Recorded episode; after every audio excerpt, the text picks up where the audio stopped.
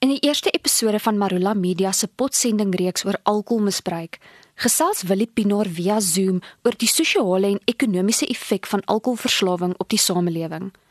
Die reeks is gegrond op Willie Pinaar se boek Sober wat deur Luka, 'n druknaam van Lapa Uitgewers uitgegee is. Hoe algemeen kom alkoholafhanklikheid en of verslawing in Suid-Afrika voor en waarom is dit? Soos as brein navorsing gedoen wêreldwyd. In wêreldwyd sê die statistiek 8 tot 30% van mense het 'n alkoholprobleem. Dis 'n bietjie rof, die 30%. In Suid-Afrika aanvaar ons dat dit is so 8 tot 14%. Dis as ons 60 miljoen mense is en ons vat nou maar 10%, het al 10% van mense het 'n alkoholprobleem. Dan is dit 6 miljoen mense. Maar dit is moeilik om die statistiek nou regtig in konteks te sit van uh, wanneer is dit uh, sosiale gebruik en wanneer is dit 'n probleem. Maar nagenoeg 6 miljoen mense in Suid-Afrika uh, het 'n alkoholprobleem. En die probleem van hierdie statistiek is man die ding word ons weggesteek. Kyk, dit gebeur nie in my familie nie, dit gebeur nie in my huisgesin nie, dit word weggesteek en die mense kry swaar somme dat dit ooit 'n statistiek word. Dit is hoekom so moeilik is om presies te sê, maar dis baie baie algemeen.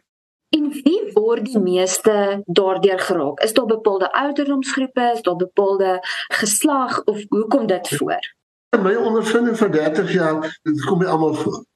Uh daar is nie mense wat uitgesluit word nie. Dit kom in alle families voor. Jy weet die uh, mense wat sosiaal baie sterk is of wat dan nou vermoënde mense kan dit baie langer wegsteek omdat hulle gesonde dieete het en hulle kan die boetes betaal en hulle kan hulle kom weg daarmee. So maar dit kom in almal voor, almal wat te veel te lank te gereeld drink ontwikkel 'n alkoholprobleem. Wat is die sosiale en die ekonomiese effek van alkoholverslawing op die breër samelewing? Christa, die ekonomiese effek ek ek nie vir jou statistiek en kan ek nie vir jou syfers gee nie, maar op die uh, sosiale uh, gebied die individue wat verslaaf is kry bitter swaar. Die families kry bitter swaar, maar hulle steek dit weg en dan hulle vir jare en jare lewe jy maar in die atmosfeer is mamma weer dronk is pappa weer dronk. Is dit dit is swaar vir die, vir die mense en en en, en dit is ongeluk in in die huisgesin en dan later kring dit uit. En as dit die uitkring dan kry jy nou dat daar geweld in die gesin ontstaan, dat daar verkrachting is, dat daar kindermishandeling is, dat daar werkloosheid is, dat daar geslagsgeweld is. Dan kring die ding uit en dan kry jy stukkende huisgesinne, jy kry stukkende kinders wat baie swaar kry.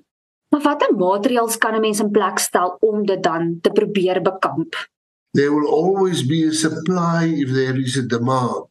So jy weet as 'n mens wetgewing instel, uh, dit werk nie baie goed nie. Wetgewing werk, maar dit werk nie baie goed nie. Jy sal altyd die goed in die hande kry. So en dit is ook wat ek in my boek beskryf. Ek beskryf in my boek vroeë kennis opvoeding van jong mense, opvoeding van kinders. Jy weet ons adolessente.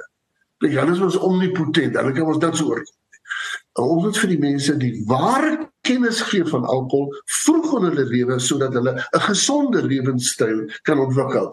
Ehm um, ek gebruik alkohol.